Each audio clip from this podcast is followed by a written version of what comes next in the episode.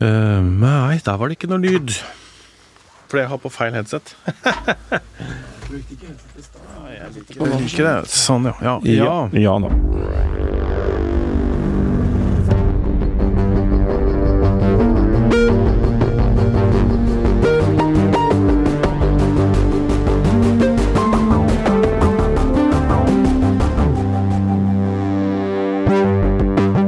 Siden vi publiserte episoden om Lørenskog-saken, så har det kommet inn eh, veldig mange mailer til krimpodden at eh, vg.no, og mange skriver også at de er veldig glade for at vi lager eh, Krimpodden. Og vi må vel si, Øystein, at vi er veldig glade for at vi får mailer. Ja, absolutt. Vi får veldig mange mailer, som du sier, og mange har et veldig godt innhold. Noen har gjort egne undersøkelser, noen stiller spørsmål. Vi setter pris på hver og en og forsøker å svare så mange som mulig. Og hvis ikke så prøver vi da å svare det ut i sånne seanser som vi har nå. Ja, vi tar med noen av spørsmålene her, men kan vi si noe om Vi har fått vite noe mer nå om hvem denne mannen som går på videoen er?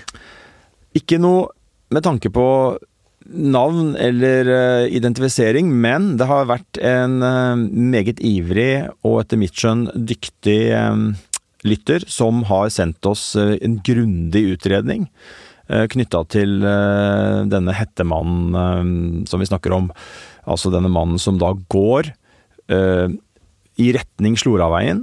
han dukker jo først opp klokka ja, 10.22 ved Lørenskog ishall og beveger seg forbi metrosenteret over rv. 159 og, og mot hjelpemiddellageret, hvor han har en liten stopp, som vi husker.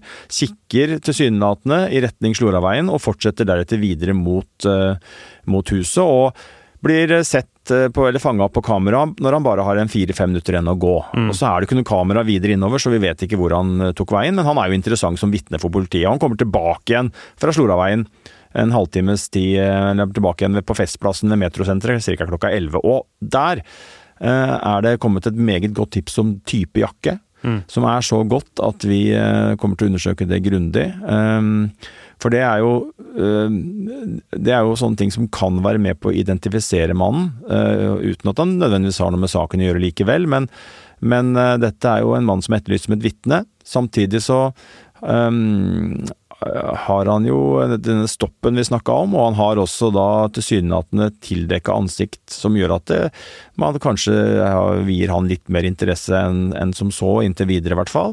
Eh, og det er klart det å finne ut hvilken jakke han har da, det kan være med på å identifisere ham, kanskje fordi at man da kan huske bedre, hvis man kommer dit og man kan etterlyse en, eh, spesifikk jakke, eller at man da har eh, på andre måter kan spore opp en jakke. Det kan jo være at man hvis man har gjennomført ransakinger, eller man kommer til å gjøre det i fremtida. ikke sant? Det er jo alle sånne identifiserende uh, klesplagg eller eiendeler. Uh, og man kan jo finne ut kanskje om kjøp, hvis man har sikra materiale som gjør at man kan ettergå det. Så, så det, er, det, er jo, det, er, jo, en del av puslespillet, da, ikke sant. Å finne ut av så mye som mulig, og se om man kan gå etter og finne det. Har ikke politiet peiling på hvilken jakke dette her er, da? Det vet vi ikke så mye om. Eh, det vi vet er at politiet jobber med å gjøre høydeanalyser. Eh, jeg vil tro de også jobber med, med jakka, jeg vil tro de jobber grundig med hele dette bildet av denne mannen. Forsøker å gjøre kvaliteten så god som mulig, for å prøve å se hva er det han har foran ansiktet? Den samme tipseren som snakker om Du nevner at han har en bøff? Jakke. Ja, jeg har gjort det, men tipseren som da har vært veldig gjort en, jeg vil si en tilsynelatende veldig grundig analyse og kommet fram med en jakke som jeg tror er uh, innertier. Uh, en spesifikk en Gore-Tex-jakke av et spesielt merke. Uh, og vi oppgir ikke merket nå, men det kan vi komme tilbake igjen til. Men det, det vil vi holde litt for oss sjøl foreløpig. Han spør seg om det kan være en sånn maske det er jo veldig, veldig Alle vet jo hvordan det ser ut nå. Mm, men det var ikke det tilfellet da? Det var ikke det, men, eh, men, det fantes jo selvfølgelig masker i alle mulige fasonger og til alle mulige formål. Enten om man skulle male eller drive med lakkering eller eh, støv eller mm. hva det måtte være, så brukte man jo, har man jo hatt masker som har vært til salgs mange steder. Um, det som jo var interessant med den jakka um, er at det er solgt uh, tilsvarende jakke i, i nærheten av uh, Lørenskog. Uh, så det, det, er jo verdt å merke seg. og så er jo spørsmålet om man klarer å se noe på sant, buksa til denne mannen, skoa hans. Noen har spurt om det kan være sprokksko. Mm. Blant annet Laila spør om det. Er det disse sproksskoene som det er snakk om? vet ikke. vanskelig å se. Eh, syns jeg. Og, og, der er jo denne kvaliteten på bildet igjen uh, tilbake igjen til det. Og så kan hende politiet klarer å få ut noen bedre bilder enn det vi gjør, men, men, uh, men det er jo selvfølgelig et relevant spørsmål.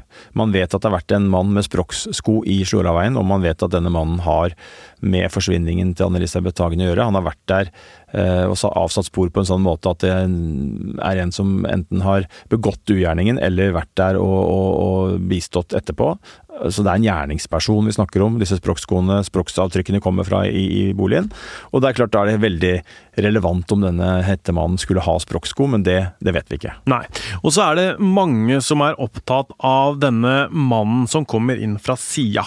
Eh, vi har fått mailer fra Hans Martin, Jan Erland, Helge til krimpoden at vg.no, som alle spør. Denne mannen bak da, som kommer inn, steller seg bak og går liksom i, på samme linje, hvem, hvem er dette? Hva har han med saken å gjøre?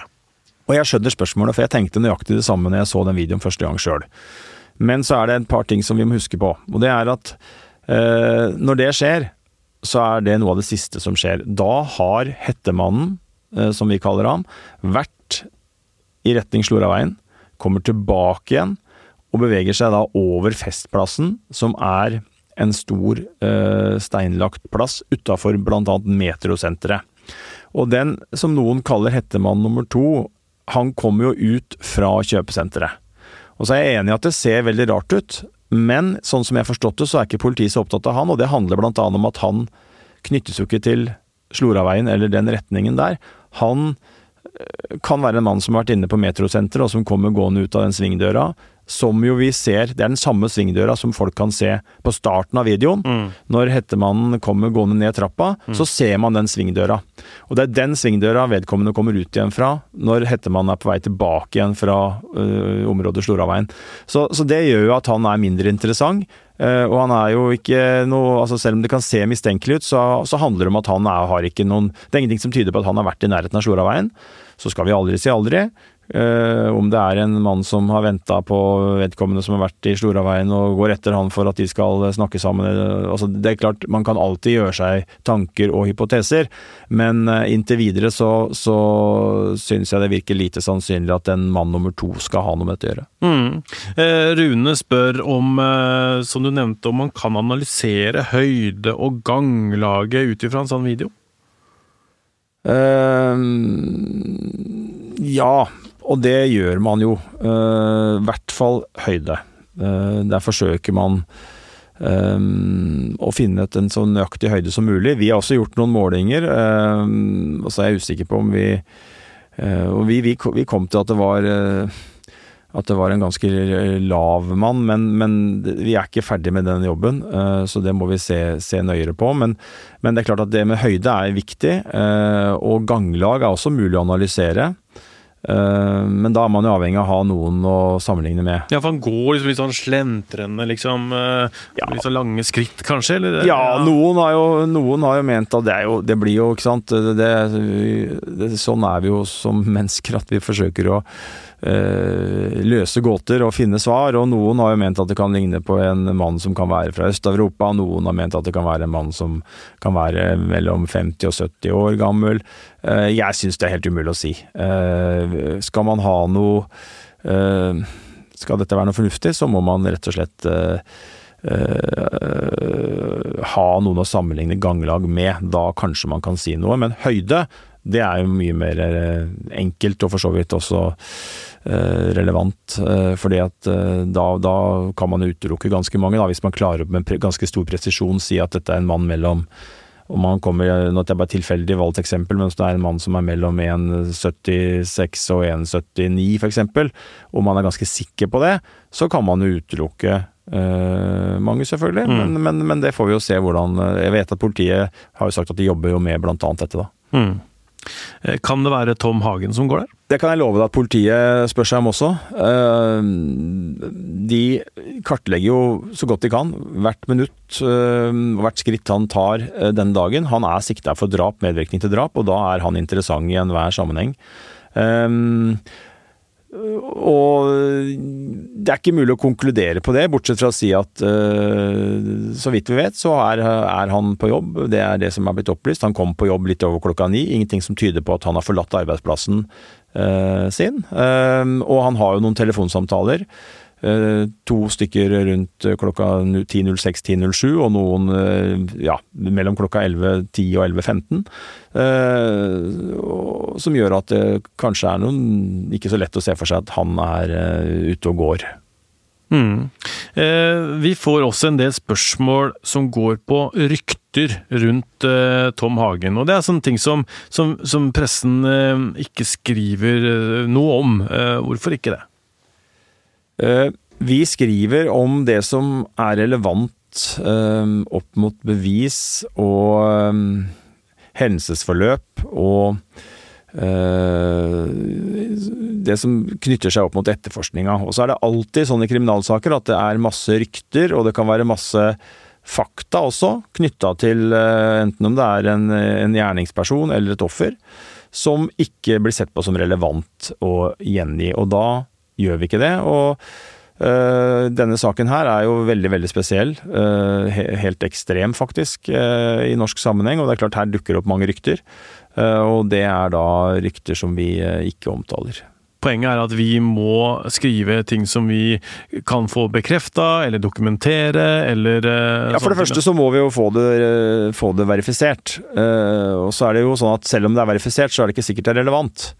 Eh, og det er jo tilfellet med, med, flere forhold i denne saken, at det kan være ting som, som er verifisert, men som allikevel ikke blir sett på som relevant. Og så er det en ut... Altså er det en og så er det en eh, fortløpende vurdering. ikke sant? Ting som vi ikke skriver i dag, og som ikke er relevant i dag, det kan bli relevant på et senere tidspunkt. Mm. Det er mye snakk om denne bilen som har vært sett rygg ryggenes eh, opp mot eh, ja, skal vi kalle det åstedet der. Eh, hva, hva vet vi rundt det nå? Nei, vi vet jo ikke så mye mer enn at man har eh, et kamera som faktisk befinner seg på det bygget hvor denne hettemannen eh, gjør et lite Eller på et av de byggene i nærheten av hettemannen gjør et stopp. Mm. Eh, så er det jo et kamera, og det er jo en av disse kameraene på det bygget, bare for å plassere litt hvor langt unna Sloraveien Eh, de kameraene er. Mm. Så det er jo på andre sida av Langvannet. Mm. Og det gjør jo eh, Det måtte, blir jo da hovedpoenget det jeg skal si nå, nemlig at bildet er veldig dårlig. Det er lang avstand, og politiet hadde så store problemer med å se om det faktisk var en bil, mm. at de måtte rekonstruere eh, med en bil. Det er, det er, ikke mulig å se farge. Det er ikke mulig å se da selvfølgelig ikke registreringsnummer. Eh, type. Altså det er knapt nok mulig. Det er konturer. Så når noen spør sånn ja, men hva med å etterlyse type bil, eh, kan vi, måte, da kan vi komme videre? Ja, det skulle nok politiet så veldig gjerne ha visst.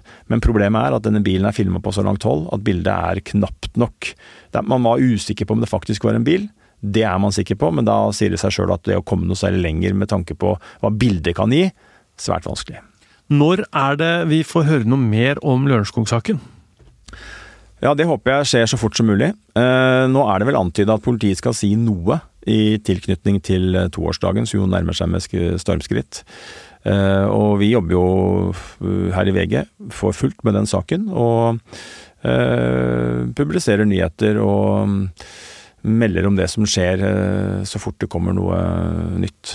Mm. Det er en fortløpende kriminalsak som vi jobber eh, med. Eh, på torsdag så kommer det en episode om en gammel sak, Øystein, som er ganske vond og vanskelig, nemlig Baneheia. Ja, det er en sak som eh, er i nyhetsbildet igjen og har vært det en stund. Og det handler jo om en gjenåpningsbegjæring fra Viggo Kristiansen som hevder seg uskyldig dømt. Og som nå, etter mange runder og fram og tilbake, vil jeg si, tilsynelatende er eh, klar for å bli behandla i eh, kommisjonen, som har møte nå i midten av oktober. Takk skal du ha, krimekspert i VG Øystein Milli. Jeg heter Tor Erling Tømt Ruud, og Magne Antonsen har det tekniske ansvaret i Krimpodden. Vi høres!